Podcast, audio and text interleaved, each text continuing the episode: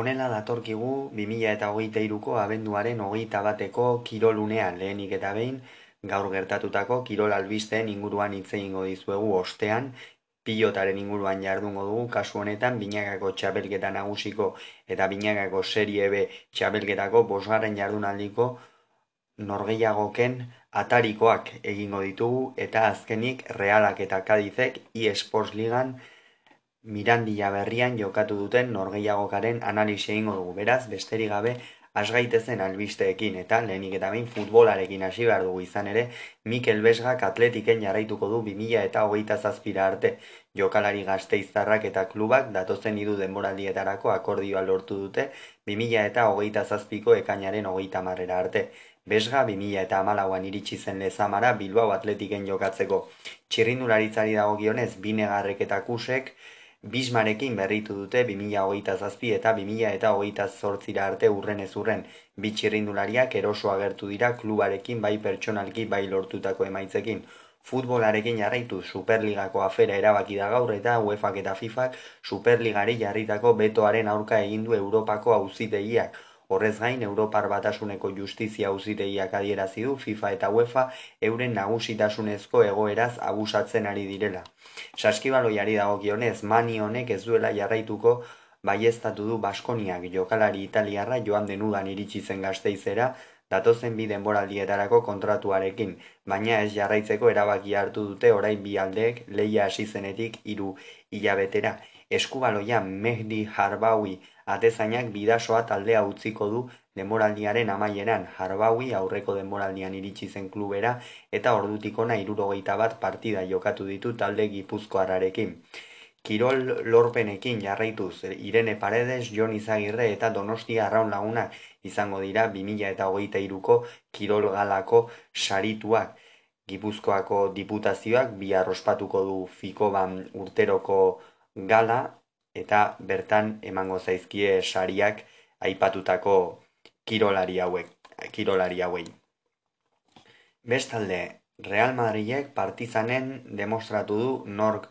agintzen duen txus mateoren taldeak bi laurden eta erdi besterik ez ditu behar izan serbiarrak serbiarrak desmontatzeko eta musak hogeita iru puntu egin ditu emeretzi minututan horrez gain, beste bi norgeiagok ere jokatu dira gaur Euroligan, kasu honetan Maccabi Fox Tel Aviveko laro amabi e, izargorriak laro emezortzi eta Valentzia Basketek irurogeita emeretzi, Virtus Boloniak irurogeita maika eta Real Madridek laro geita maika, Partizanek irurogeita amabost. Berrogeita lau urterekin hilda, abiadura lasterkaria izan zen Andrea Barberi italiarra, plusmalkista izan zen selekzio nazionalean lareun metroetan amar urtez. Bestalde, Tony Bouk ondarekin berritu du 2000 eta hogeita zazpira arte, hogeita malau aldiz izan da munduko txapeldun trialean eta gehiagoren bila joan nahiko luke. Bestalde, emakumezkoen futbolean, Bartzeronak zazpi eta huts egurtu du Rosenborg eta gainontzeko emaitza batzuk ere izan dira kasu honetan amultzoan Eintracht Frankfurtek eta Benficak bana egin dute, Branek eta Lionek bina eta esan bezala Bartzeronak zazpi eta huts irabazi dio Rosengarri. Eta orain guazen emakumezkoen futbolarekin jarraitzera izan ere Bartzelonak Johan Cruyff zelaian egindako erakustaldi batean Mapi Leonek kontratua berritu duela. E, adierazi du Championseko norgeiagoka bukatu ostean eraba, e, ikusi izan da eta Mapi Leonek 2000 eta hogeita seira arte berritu du kontratua. Hau beraz gaurko albisteek eman dutena. Eta azkenik, futboleko emaitzekin amaitu behar dugu izan ere, ligan Kadizek eta Realak guk aztertuko dugun horreia okan usna egin dute, Betisek eta Gironak bana, Real Madrid ekutxeta bat irabazi dio alabesi eta Mallorca giru eta bi irabazi dio osasunari Premier Ligean ere norgeia izan da, Crystal Palasek eta Brightonek bana egin dute. Bigarren mailan Bilarre albek eta obiedok bana egin dute hueskak iru eta utxirabazi dio kartagenari, amore bi eta galdu egin du alkorgonen aurka bat eta bi eta razin de ferrolek utxeta bat irabazi dio baiadolidi. Eta orain goazen pilotaren inguruan hitz egitera izan ere bihar emango zaio hasiera oi hartzungo maalen soro ez bargatu ez bihar oi hartzunen ez oi hartzunen lehengo astean izan zen donostiako atano irugarrenean emango zaio hasiera binagako txapelketa nagusiko jardunaldiari eta baita B serieko jardunaldiari ere egia da, arrasaten izango dela lehen horreiaoka, baina guk donostiakoa e, aztertuko dugu. Arrasaten ezkurdia eta tolosa hartola eta imazen aurka izango dira. Artolak eta imazek puntua derrigor bildu beharra daukate, e, oso oso larri dabiltza azken bi jardunaldietan, lehengo astean gainera gainetik pasazitzaizkien jaka eta mari ezkurrena eta puntu premian dira. Nabarmen xamarraldiz ezkurdiak eta Tolosak lengoan sufritutako garaipena eskuratu zuten Bartzelonan altuna eta martijaren aurka, baina sufritua bezain garrantzitsua izan zen garaipen hori eta ondorioz bihar arrasatera denarekin. Aterako dira ala ere favorito bat eman behar da, hartola eta imazek osatzen duten bikotea eman behar da e, favorito, naiz eta azken jardunaldietan ez diren nahi, nahi izan dituzten emaitzak lortzen e, ari, biharko norgeiagokan favorito aterako dira. Bestalde, donostian jokatuko dute altunak eta martijak laso eta arangurenen aurka norgeiago kau irikiagoa izango da. Jokin altunago goratuko dugu pasaden astean berragertu zela, laso jada erritmoa hartuta dabil eta arangurenek lenguan sekulako norgeiagoka jokatu zuen. Altunak eta martijak esnatu beharra daukate, biharko norgeiagoka espalima dute irabazten bostetik bos galduta izango lituzkete eta hori e, ondamendian dia litzake e, Gipuzkoararentzat eta Nafarrarentzat horrek esan nahiko bailuke apenas utxe egin dezaketela bigarren itzulian eta nik uste bihar altuna eta martija favorito aterako direla. E, ikusiko da atzean nor dominatzen duen zaila dago antzematen arangurenek dominatu dezake eta urrean jokin altuna lasori jokatzen saiatuko da ia segur eta ea zen horreiagoka ateratzen den norgeiagoka dramatiko honetan esan dugun bezala eta lasok eta arangurenek irabazten baldin badute aldiz, bi garaipeneko aldea izango lukete altuna eta marti jarekiko. Beraz, pentsa,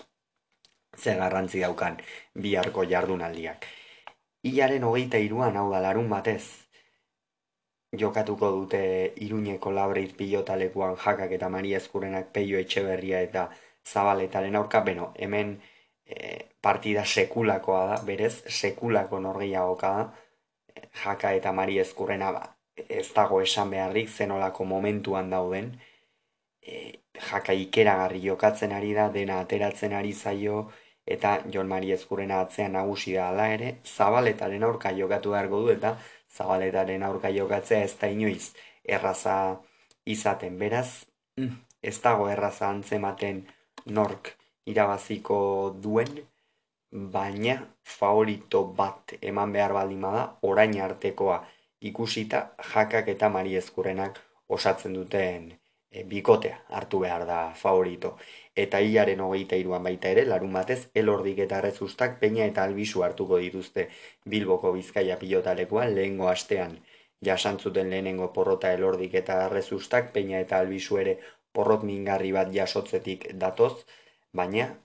hemen naiz eta ez dagoen erraza antzematen puntu bat favoritoago ikusten ditut elordi eta rezusta bat ez ere rezusta atzean sekulako txapelketa egiten ari delako eta jonander albizu bai aurrekoan urretxun sekulako partida atera zuen baina nahiko irregularra entxean dabil.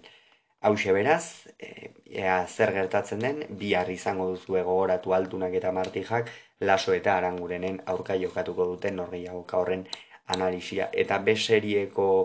txapelketako e, bigarren jardunaldia ere, bihar hasiko da, kasu honetan, e, bihar alberdik eta morga etxebarriak dela fuente eta bikuñaren aurka jokatuko dute alere senar eta salaberri dira e, jokatzekoak bihar. Hemen, beno, e, partida irekia izan daiteke, dela fuente eta bikuña gainera ja erritmoa hartuta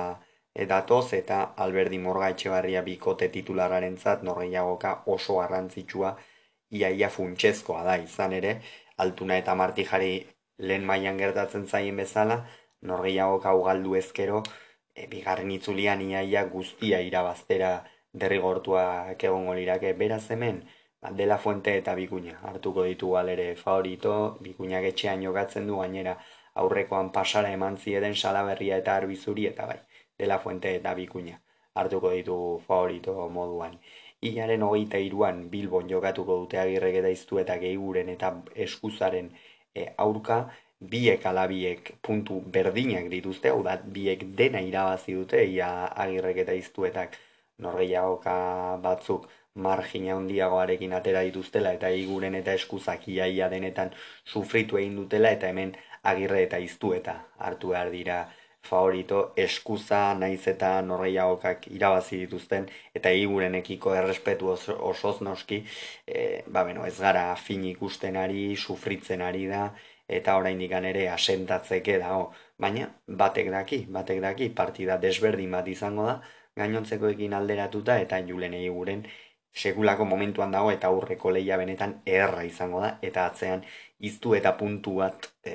nagusiago izan daitekeenez gorriak hartu behar dira favorito. Usan solon jokatuko dute larrazabalek eta eskirozek esposito eta gaskueren. Aurka lengoan esposito eta gaskue lehenengo zatian ongiek ikusi genituen, bigarren zatian ordea erabat joan egin zitzaien norreiagoka atera egin ziren erabat norreiagokatik eta alde horretatik larrazabal eta eskiroz hartu behar dira favorito, naiz eta txapelketa ez zuten finasi, pixkanaka pixkanaka asentatzen ari den bikotea da, eta noski hautagai nagusiak dira txapela irabazteko ere. Eta iruñean jokatuko dute zubizaretak eta ugarte mendiak salaberria eta arbizuren aurka hemen zubizareta eta ugarte mendia hartu behar dira favorito, naiz eta ugarte mendia irregular ari den eta azken bi norgeiago galdu dituzten, salaberria ere ez gara oso fin ikusten ari eta arbizuk ba ez dakigun ondikan e, jo dezakeen ez, atzeko kuadro horietan eta zubizareta bai zubizareta oso ongi dago une honetan eta e, beraz hemen gorriak hartu behar dira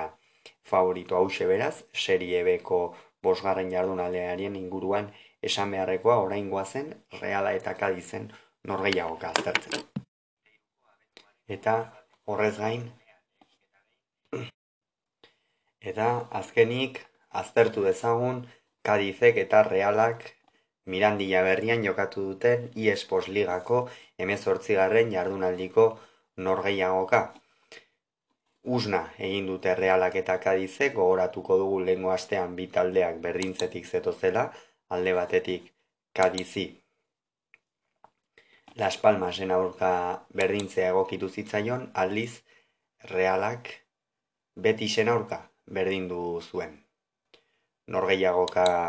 irekia zen, reala favorito xeago behar bada, zetorren unea eta ikusteagatik eta hasiera hasieratik eh, nahiko maldangora ipini zaio norgeiagoka talde txuri urdinari.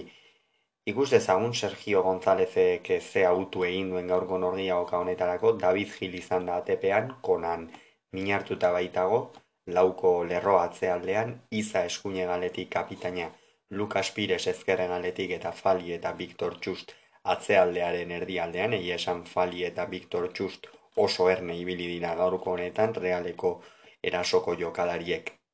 aukera gutxi sortu zitzaten eta sadiki ez diote ia ia zentimetro bat ere utzi. Zelai erdian Ruben Alcaraz eta Alex Fernandez izan dira, Iban Alejo eskuinaldetik egalean eta Robert Navarro realean utzita dagoen jokalaria ezkerraldetik eta goian golaren arduradunak Chris Ramos eta Maxi Gomez izan dira. Realak berriz, lau iruiruko oiko sistema atera du, Alex Remiro izan da atepean, lauko lerroan. Ezkerregaletik tierni, eskuinegaletik Alvaro Odriozola, atzealdearen erdialdean Lenorman eta Zubeldia, iruko lerroa osatu dute zubimendik euskarri moduan eta pixka bat aurreratuago Mikel Merino eta Brais Mendez izan dira, ezkerraldetik egalean Mikel Oiartzabal, eskuinaletik takekubo eta goian golaren arduradun Umar Sadik. Realari dagokionez, reala asko nabaritzen ari da Ander Barrenetxearen utxunea eta gaurkoan Kadiz bezalako talde baten aurka horixe falta izan zaio ez, sakontasun geixeago. Pozgarria benetan, Brais Mendez orain amarregun, e, Brais Mendezek orain amarregun egin baitzuen ebakuntza eta gaurko orako itzuli egin da, eta benetan pozgarria moseko jokalariak erakutsi duene konpromezua gaurko norreiagoka honetarako, eta egia esan finaritu da, behar bada ez du bere egunik onena izan taldeak orokorrean eh, bezala, baina hasiera hasieratik ikusten zen realari trabatu zekiokeen norgeiagoka bat izango zela, ez? Kadizek oso goian egin du presioa, batez ere hor Iban Alejo, Erruen Alcaraz, Alex Fernandez eta Robert Navarro oso goian zeuden presioa eginez, horrez gain Chris Ramosek eta Maxi Gomezek ere ikeragarri lagundu dute. Maxi Gomez ez da gaurkoan beste batzuetan bezain beste azaldu, Chris Ramosek aurreko aurrealde horretan protagonismo askoz ere gehiago eduki du, baina e, kontuak e, kontu Kadiz oso oso estu, e, Kadizek oso oso estu hartu du reala gaurkoan eta horren e, zantzua izan da, ba, lehenengo zatian, nola Mikel Merinoren pase bat, gaizki kontrolatu den Martin Zubimendik eta Chris Ramosek sekulako aukera izan du Remiroren aurrean, egia esan ez gaude ohituta realari horrelako akatsak ikusten ez, baloi irteera oso ongi landua duen taldea delako reala, baina gaurkoan e, hori etzaio ongi atera, noski kadizi ere bere meritua eman behartzaio presioaren aldetik,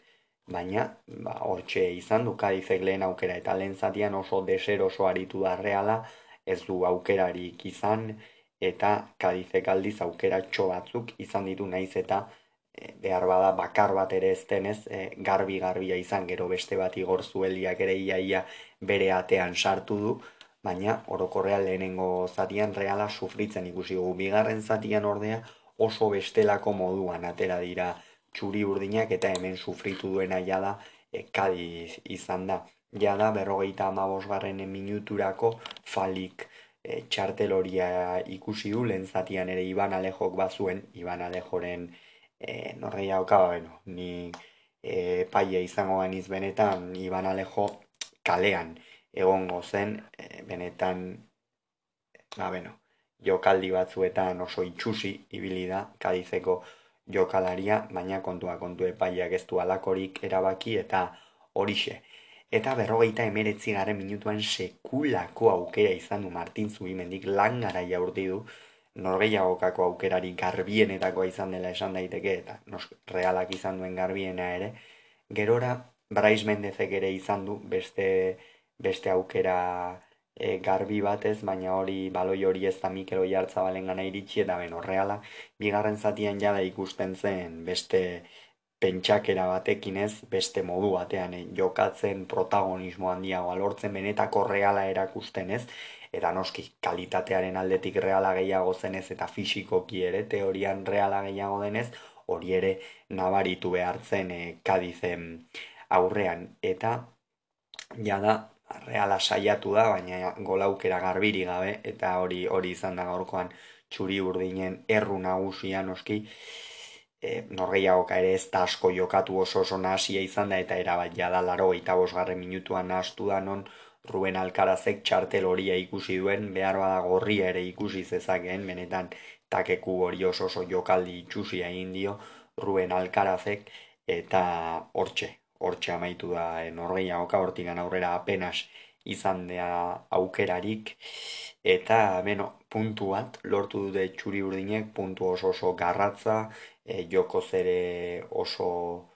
oso behartxu aritu da reala, baina esan behar da ere egin batean normala dela, ez? Azkenean reala eta gara, ez gara Real Madrid eta